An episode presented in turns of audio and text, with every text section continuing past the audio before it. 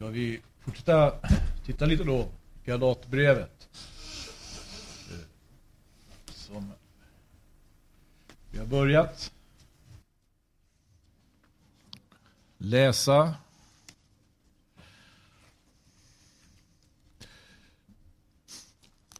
Det är, det är riktigt rejäla kapitel här. Så, vet inte, skulle man verkligen är det för att ett enda kapitel här, det, det, det är så oerhört innehållsrikt så att eh,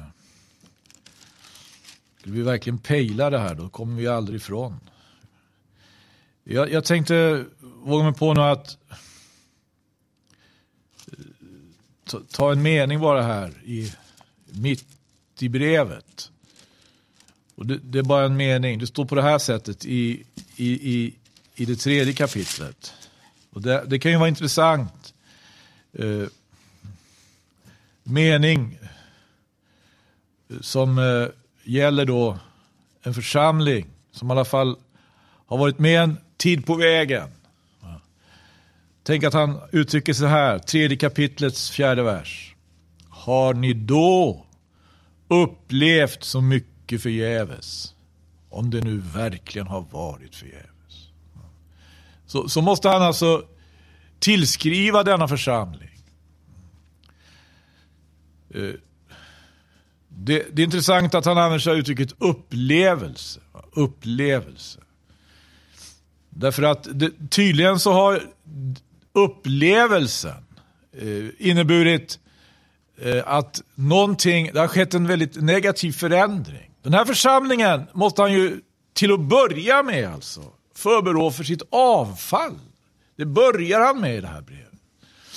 Och då är det klart att eh, det han sedan eh, utvecklar, det kommer ju att röra sig omkring det här då. Vad som är alltså, eh, eh, så att säga, vilka ting det är som har åstadkommit ett avfall. Och vilka saker och vilka frågor som, som behöver liksom, ska vi säga, vad ska väcka då på det sättet till liv det som en gång fanns. Eh, det är klart, när han uttrycker sig på det här sättet, har ni då upplevt så mycket förgäves? Då är det ju så att eh, i, i den upplevelsen som de alltså har gjort, eller erfarenheten som de har, ja, någonting har hänt. Någonting har hänt. Men väldigt märkligt är ju att han, när han så att säga eh, överhuvudtaget talar om vad som har betydelse, vad som har betydelse, egentligen så nämner han inte så mycket om upplevelse. Han nämner så mycket om upplevelse, det var ju precis hans egen svaghet. det var ju en stor svaghet hos honom själv det. Han hade ju inte upplevt vad de andra hade upplevt. Han hade inte varit med på vägarna då Jesus anförde lärjungaskara. Tvärtom, han var inte ens där och när lärjungaskaran började agera själv, då började han bli, alltså, då uppträdde han som dess, en av dess största motståndare. Så vad beror det på? Alltså, nu kommer han in på frågan om upplevelser. Jo, han talar om saker och ting här upplevelser som är av betydelse. Upplevelser som är av betydelse. Men vi ser att eh, eh, det verkar som att i själva upplevelsen, alltså i upplevelsen, det, det, när människor är tillsammans och upplever saker och ting, så kan det alltså eh, på något vis eh, komma, komma in någonting som gör alltså att man på något vis överbetonar upplevelsen, eller upplevelsen som sådan får en betydelse som så att säga fördunklar själva meningen med upplevelse. Det är naturligtvis väldigt viktigt att ha upplevelser.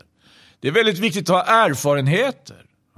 Men glöm inte, vad som är av avgörande betydelse här grundar sig inte på upplevelse utan på uppenbarelse. Och uppenbarelse är inte, är inte bara upplevelse.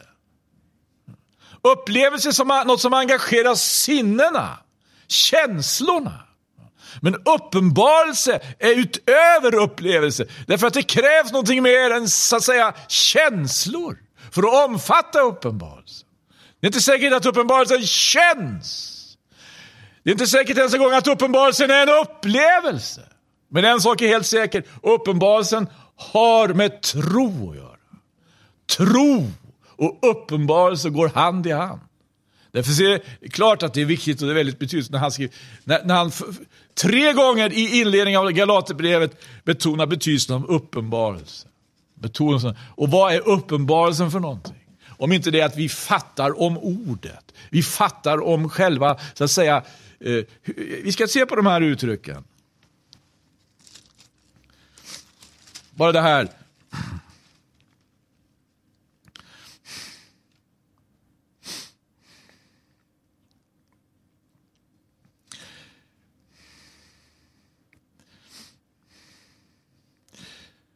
I femtonde versen i första kapitlet. Men när han, som alltifrån min moders liv, har avskilt mig och som genom sin nåd har kallat mig, täcktes i mig uppenbara sin son, för att jag bland hedningarna skulle förkunna evangelium om honom. Då begav jag mig strax och stad. Jag rådförde mig icke med någon människa, eller jag rådförde mig icke med kött och blod. Och redan här förstår vi att han var väldigt angelägen om att det han hade, det, det, så att den erfarenhet han hade gjort skulle komma så att säga i rätta händer. I rätta händer. Men för att den erfarenhet han hade gjort skulle komma i rätta händer så måste denne man få nya händer. Han måste få nya händer att fatta i det han hade fått. Därför de gamla händerna dög inte. Med de gamla händerna av kött och blod hade han verkligen varit verksam. Med de gamla händerna av kött och blod, eller om vi säger de gamla sinnena, hade han verkligen varit aktiv, verkligen varit verksam, verkligen varit sysselsatt och prövat på en hel del, men det hade aldrig kunnat få honom till tro på Jesus Kristus. Tvärtom hade det lagt grunden för ett väldigt kompakt motstånd. På något sätt måste han få, om jag säger då, nya sinnen. Var det det här som var som eh, på något vis Ja, vi ska se. Det står ju så här. Apropå vad evangelium är. Vad är evangelium? Det står så här i elfte versen. Till det vill jag säga er mina bröder att det evangelium som har blivit förkunnat av mig icke är någon människolära. Eller som det heter egentligen, icke är enligt människor. Enligt människor. Det finns ett evangelium enligt Matteus. Det finns ett evangelium enligt Markus. Det finns ett evangelium enligt Lukas, alltså, men ingen, inget av, detta, av dessa tre evangelium är ett evangelium enligt människor. Det är inte något evangelium enligt människor. Eftersom det är Guds evangelium, eller Kristi evangelium. Det är ju icke heller av någon människa som jag har undfått det eller blivit undervisad där i, utan genom en uppenbarelse genom en uppenbarelse från Jesus Kristus. Det är klart att nu är det här en, en, en allvarlig fråga. Eh, alla är ju inte stora visionärer. Stora visionärer. Alla ser inte stora syner. Men aposteln Paulus fick se en stor syn. Men han var, han var, all, han var väldigt allvarlig med alltså att, han hade, att inte, han hade inte haft en stor upplevelse för det. En stor upplevelse kunde han ju göra sig stor med. Men det som hade skett var, det var ju att Guds sons så att säga, härlighet hade blivit synlig för honom. Och det, det, det måste komma i rätta händer, den här erfarenheten. Vem skulle hjälpa honom? Var fanns de rätta händerna? Av någon anledning så, så leddes han alltså inte på det sättet att han, att han gjorde, gjorde sig beroende av de andra apostlarna, gjorde sig beroende av, så att säga, eh, andra. Eh, för den här mannen hade ju upplevt att alltså alla de auktoriteter som han hade trott på tidigare hade fallit. Hela det lärosystem som han hade hållit sig till tidigare hade krossats. Och alla de alltså, om man säger, gamla trygga förhållandena som han hade litat till tidigare hade fullständigt sopats bort. Vad ska man göra då? då? När alla gamla, när alla de auktoriteter man tidigare litat till faller. När hela det lärosystem man tidigare hållit sig till krossas. Vem ska, vem ska visa en vägen? Av någon anledning så var han väldigt försiktig här. Var väldigt försiktig. Så att han inte plötsligt, alltså, eh, det, det, någonting hos honom eh, som, som, som eh, en ingivelse. Att han, han, skulle, han, måste, han måste faktiskt han, han måste bygga upp någonting helt, alltså, eh, från grunden, helt från grunden. Grunden hade krossats, som vi säger. Grunden hade krossats för honom. Den grund som han hade haft. Och nu hade en, nu hade en, ny, nu hade en ny grund visat sig.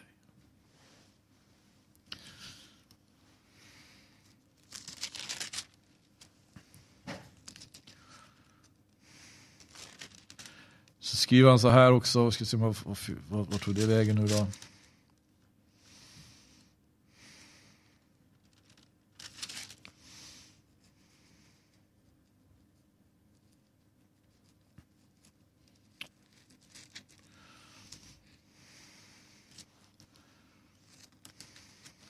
De hörde allenast hur man sa. Han som förut förföljde oss. Han förkunnar nu evangelium om den tro som han förr ville utrota.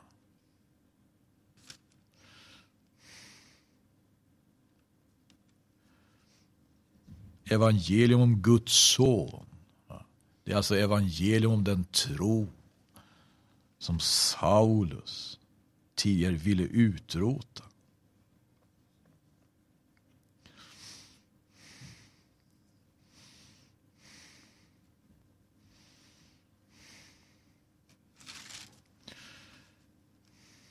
Gode Gud.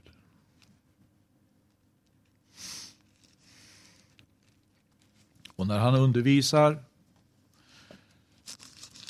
kommer han in på just det här dels att de, de relativt begränsade kontakterna han hade med de andra apostlarna.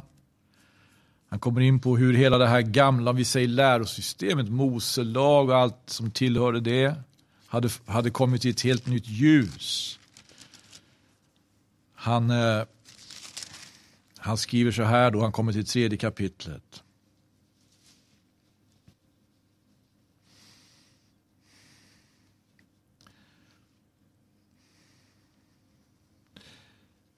Ni oförståndige galater, vem har så dårat er? Ni som dock har fått Jesus Kristus målad för era ögon såsom korsfäst.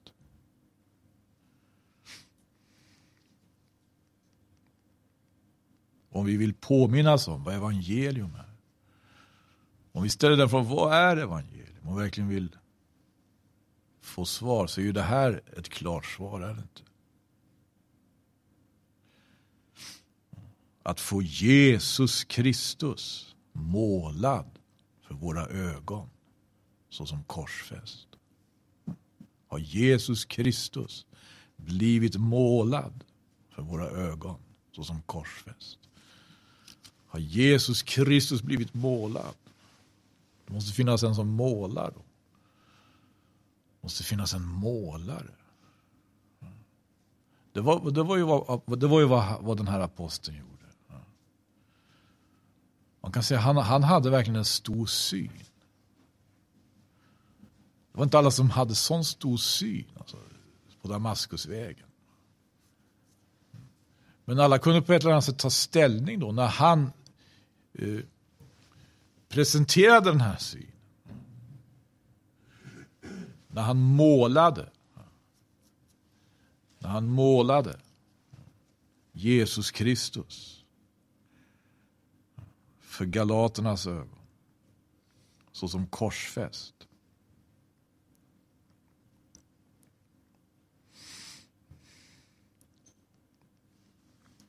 Vi säger, det finns en kropp.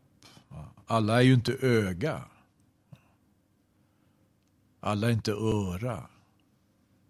Men alla har ju någon plats i kroppen.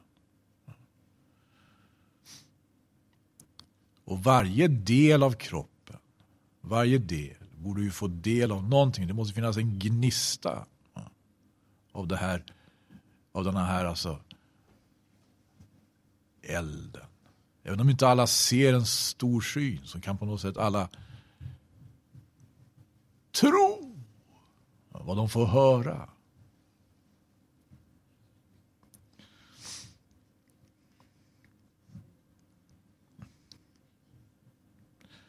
Alla måste inte se en stor syn, men definitivt alla måste ha tro.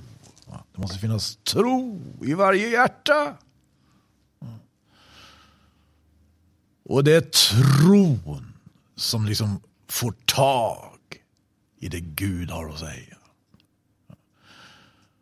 Och inte upplevelsen. I upplevelsen ligger tydligen något förrädiskt. Det som bara är upplevelse. En upplevelse kan vara stor, den kan vara enorm, den kan vara liten, den kan vara ingenting, den kan vara allt, den kan vara mycket. Men en upplevelse är inte detsamma som tro. En upplevelse är inte detsamma som tro.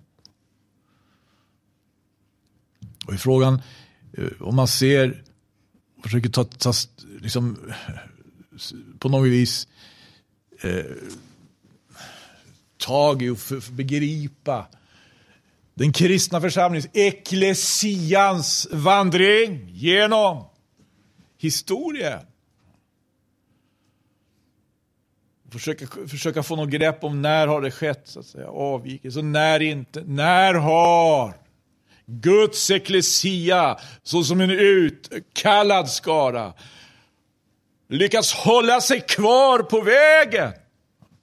hålla sig kvar på vägen. och som det heter här någonstans, vandrat med fasta steg enligt evangelisan. Enligt evangelisan. Och när har det skett av? När? Är det, är det möjligen då tro? Inte längre har samma betydelse. Upplevelserna kommer istället. Upplevelser.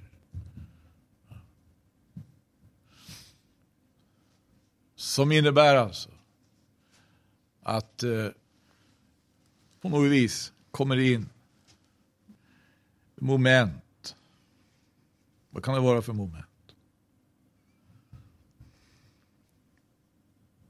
Som eh,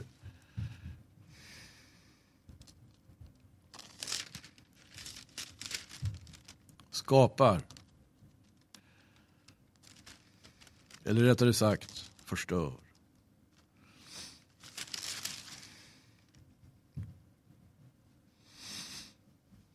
Du vet, människan är skapad på ett förundligt sätt.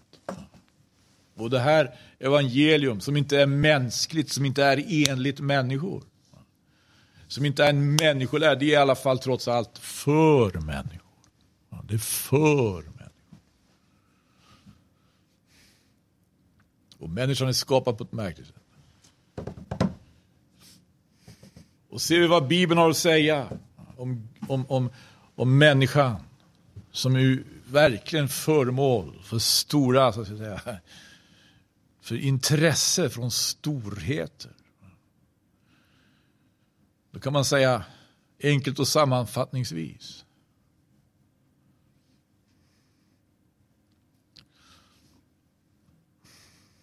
Att Guds väg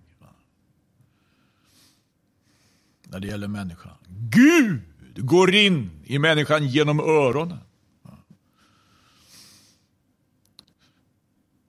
Men djävulen går in i människan genom ögonen. Visst ligger det någonting i det? Gud går in i människan genom öronen. Den som har öra, han höre vad anden säger till församlingarna. Djävulen går in i människan genom ögonen. Har du läst om det första syndafallet? Har du läst om kvinnan som såg att det var ett ljuvligt träd? Såg att det var ett ljuvligt träd. En lust för ögonen.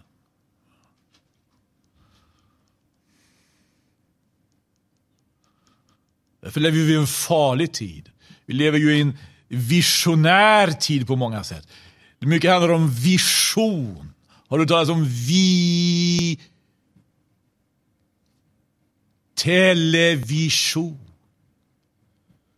Video. Vid, vid, vad är det för någonting? Syn. Vision. Television. Mycket handlar om vision. Visst, visst. Men teknisk vision mänskliga så att säga, visioner, skapade av människors önskningar. Snarare. Oj, vad världen arbetar med synintryck.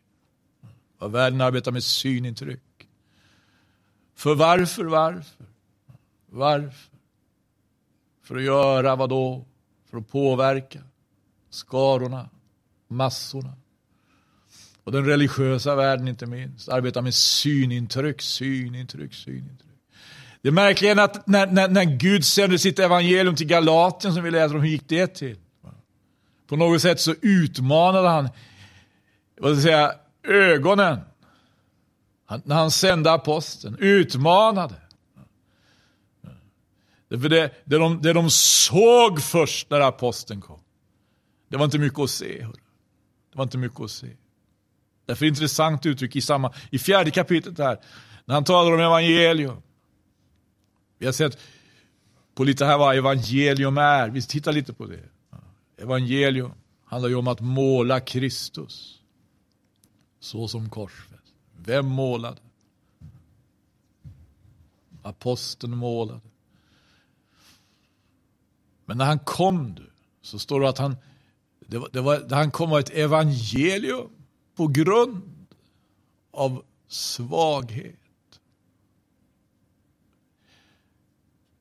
Det som kom till dem, det var ett evangelium på grund av Det var inte mycket att se, så att säga. Som man brukar säga, inte mycket för världen.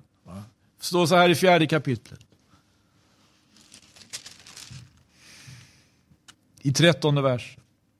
Ni vet ju att det var på grund av kroppslig svaghet som jag första gången kom att förkunna evangelium för er. På grund av kroppslig svaghet. På grund, alltså, det, vi har inte riktigt konkreta detaljer här. Men han kom alltså dit på något sätt utan att egentligen ha velat det själv kanske. Han var tvungen på något vis. Var tvungen att komma dit. Han behövde kanske hjälp med någonting. Han kanske var sjuk. Eller så var han i väldigt eländigt tillstånd efter svår misshandel, efter prygel. Och han, säger, han skriver så här, och fastän mitt kroppsliga tillstånd då väl hade kunnat innebära en frestelse för er, så såg ni det ändå icke med ringaktning eller leda, utan tog emot mig såsom en Guds ängel, ja, såsom Kristus Jesus själv. Varför? Gud utmanade deras så att säga, ögon. Han utmanade deras oerhört alltså kanske fina ögon. De ville ju använda sina fina ögon och se något fint. Men när han kom så var han inte mycket att skåda. Han, han, han var själv väldigt medveten det kunde vara en frestelse för dem. Hur han såg ut, i det tillstånd han var. Ett evangelium kom, inte på grund av styrkan utan på grund av svaghet. Ett evangelium som inte erbjöd några upplevelser. Ett evangelium som inte erbjöd, så att säga, några synintryck.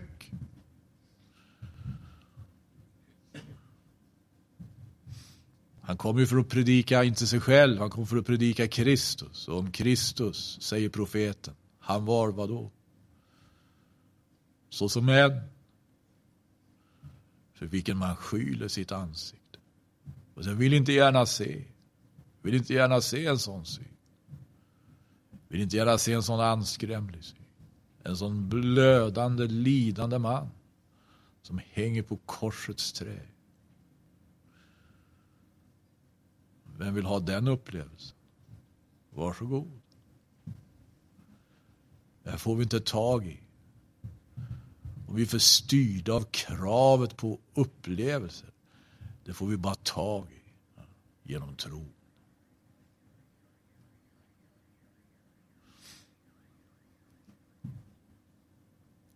Vem kan känna någonting? Vem kan erfara någonting? Vem kan uppleva någonting? Är det, är det, är det utan vidare, hörru?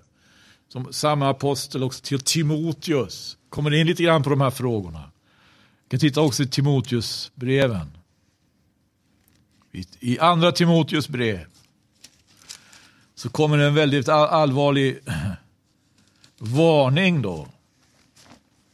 Han skriver så här i fjärde kapitlet. Jag uppmanar dig allvarligt inför Gud och Kristus Jesus, inför honom som ska döma levande och döda. Jag uppmanar dig vid hans tillkommelse och hans rike. Predika ordet, träd upp i tid och otid, bestraffa, tillrättavisa, förmana med allt tålamod och med undervisning i alla stycken. Vad då predika ordet? Vad då träda upp i tid och otid? I tid och otid? Nej, nu är det inte lämpligt broder. Nej, nej, nej, nej, det är inte, den, det är inte lämpligt nu. I tid och otid. Ty den tid kommer då det inte längre ska fördraga den sunda läran, utan efter sina begärelser, efter sina egna begärelser ska samla åt sig lärare ihoptas, allt eftersom det kliar dem i öronen. Eller så som det står med, med, liksom med klåda i öronen, med klåda i öronen. Med klåda i öronen längtar man efter. Något så att säga fascinerande.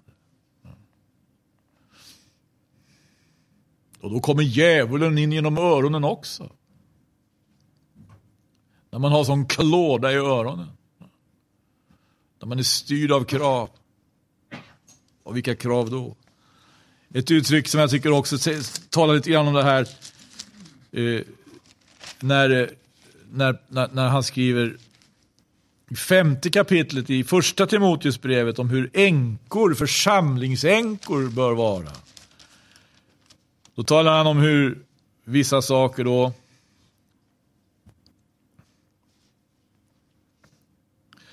Till exempel i nionde versen i femte kapitlet. Så som församlingsänka må ingen annan uppföras än den som är minst 60 år gammal och som har varit allenast en mans hustru.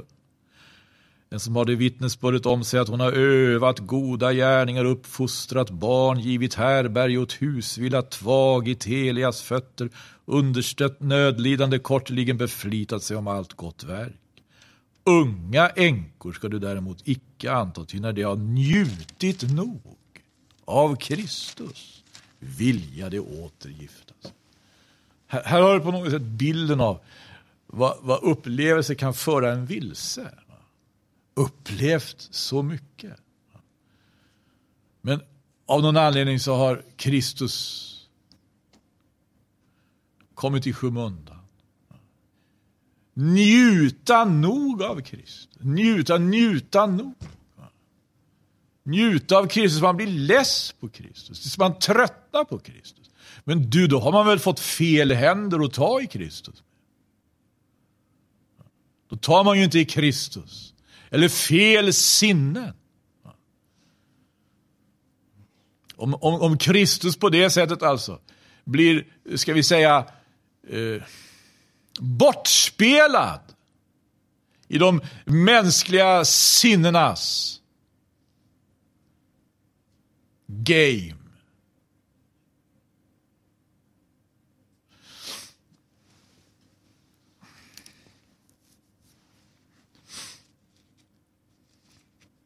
Det här är väldigt allvarliga frågor när vi lever i en tid som, som, är som man brukar säga lite, lite ogärna ibland använder jag uttrycket, men jag, jag tror jag får göra det nu ändå, säga en humanistisk tid. Med människan i centrum. För när människan kommer i centrum med alla krav och krav på upplevelser också. Då kommer faktiskt inte Gud i centrum. Och inte heller kommer Guds nåd i centrum. Och det var väl det vi skulle ha i centrum. Och det är inte det som Galater, undervisningen i Galaterbrevet går ut på att Guds nåd ska vara i centrum. Vad är Guds nåd då? Är Guds nåd angenäm? Eller är Guds nåd svår? Är Guds nåd härlig eller är Guds nåd besvärlig? Det, det, kanske kan vara allt det där och ingenting. Det, det är i alla fall klart att det är någonting som överträffar allt vad människan förmår begripa. Och ändå så har det givits åt oss. Det var det det handlade om, var det inte det?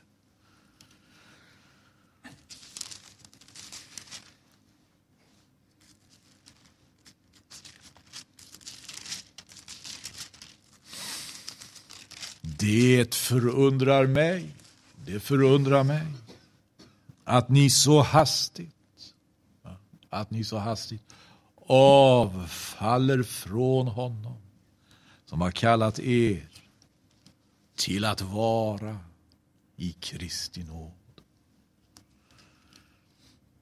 Och vänder er till ett nytt evangelium, ett annat evangelium. Kanske någonting då, om vi ser sammanhanget, som är mer angenämt för människan så att säga.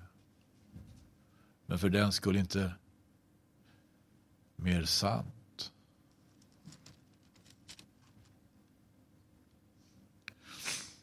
Vad vill den heliga Ande?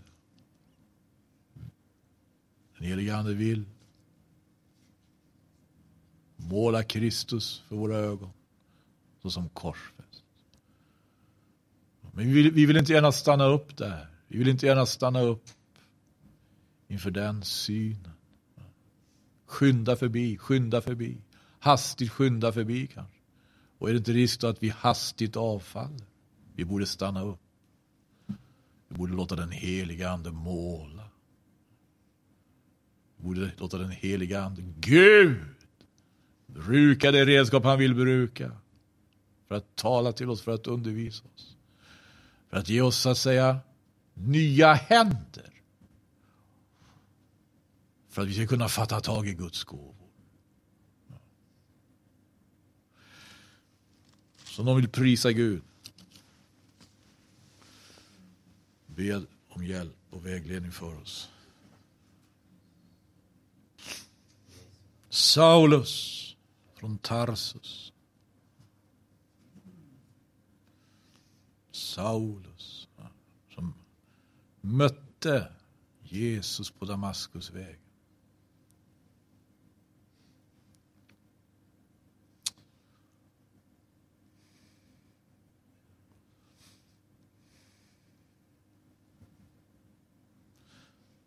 Vad, vad, vad, vad upplevde han förlora?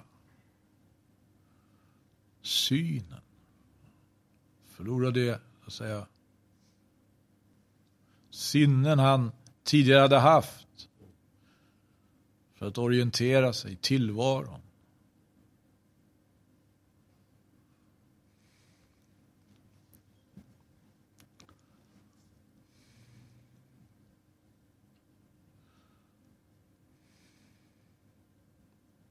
Och redan på det stadiet så undervisar ju Gud honom.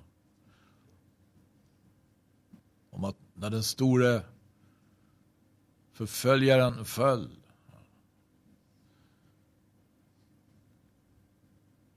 Så det behövdes ingen särskild, så att säga,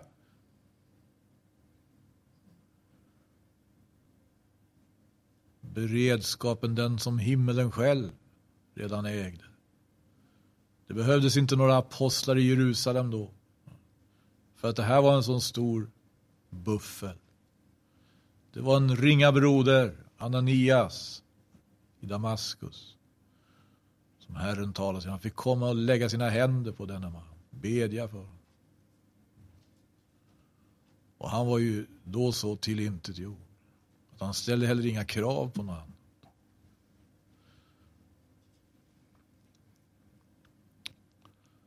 En ringa broder med ett senapskorn av tro. Eller jag vet inte, kanske hade mer tro, men tro hade han. Och han hade öra och han hörde.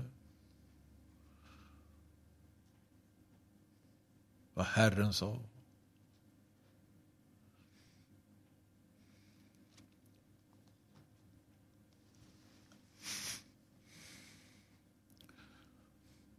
Vad behövs det egentligen för stort och starkt när Gud handlar?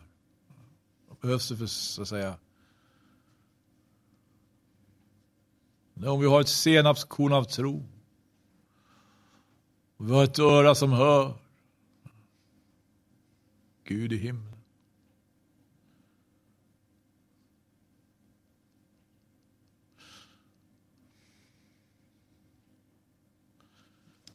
Då kan Herren handla.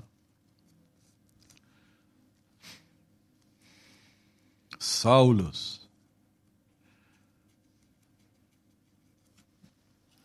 Han fick göra en stor erfarenhet. Han såg en stor syn.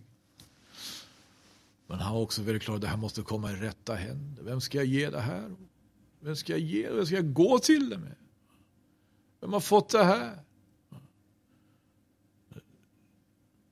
Har Ananias i Damaskus fått? Nej. Har aposteln i Jerusalem fått? Nej. De har fått det? Det har du fått, Saulus.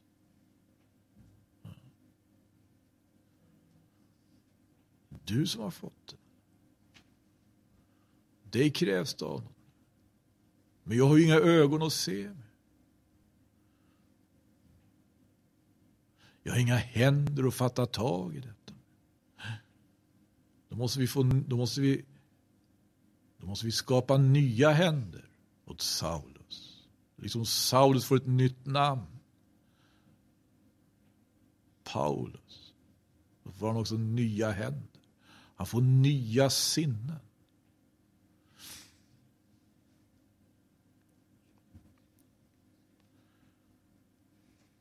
Som är viktigt att han sedan också växer i, växer i. Det är väldigt viktigt det här. Det står om just det här att växa i. Och inte göra så att säga det misstaget. Att man låter sig drivas av sina krav, så att säga. Mänskliga krav på ett sådant sätt att man vad kan det vara för någonting? Vad kan det vara för någonting som påverkar?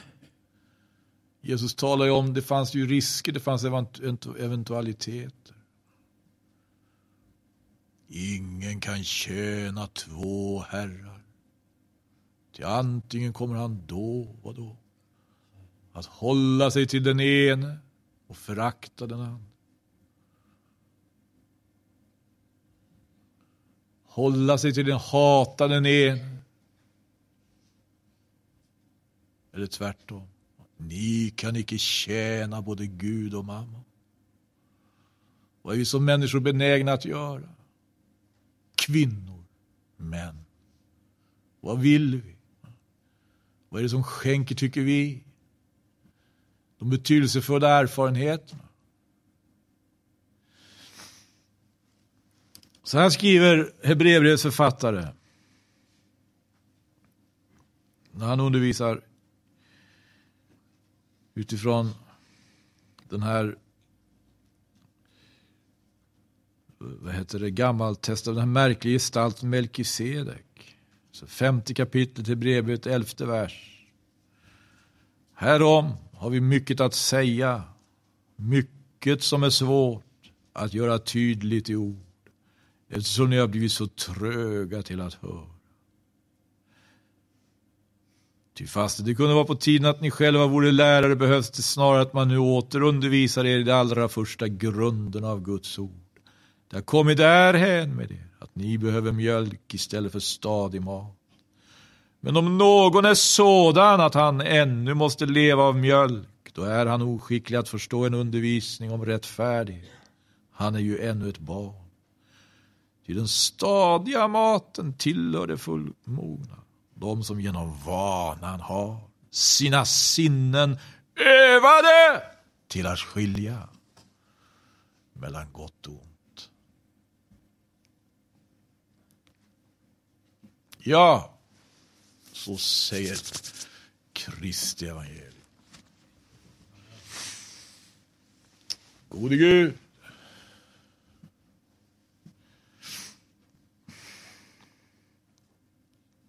Du vet, den helige Ande är inte främmande för att förebrå kött och blod. Det är det han gör. Men det, det, det, det mår vi bra av också. Det är det som hör till den hälsosamma, eller som det heter, sunda läran.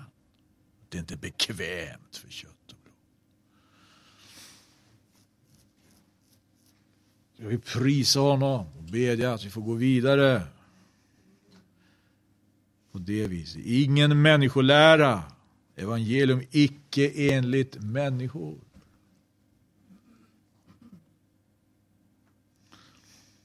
Utan enligt vad då?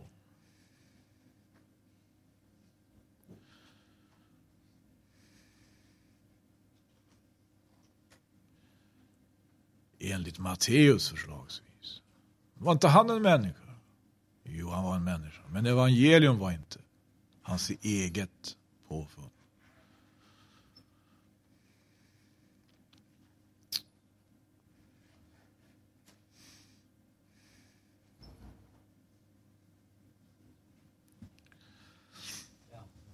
Ja, ska vi prisa Gud.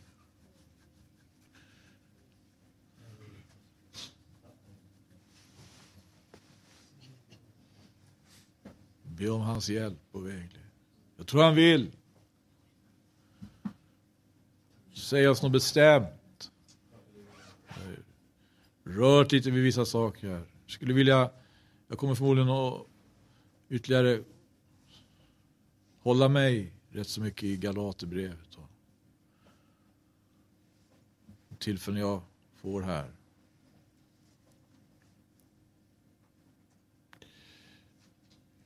Så det finns oerhörda områden.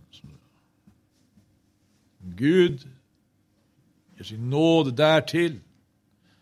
Hoppas komma in på tillsammans med er.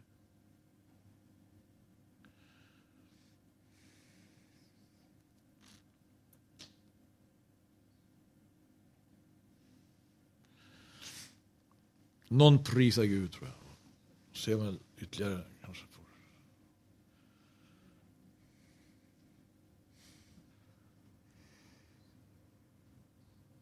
Amen. När Gud utförde sitt verk fick han nya sinnen. Han såg inte. Men han fick sin syn åter.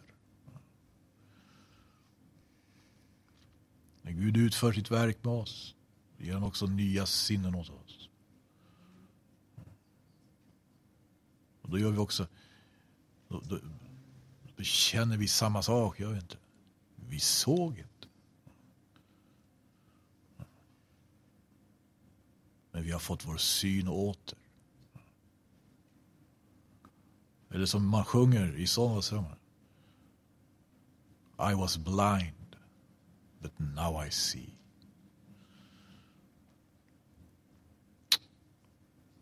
Guds verk, Guds nåd. Amen. Tack ska ni ha för uppmärksamhet.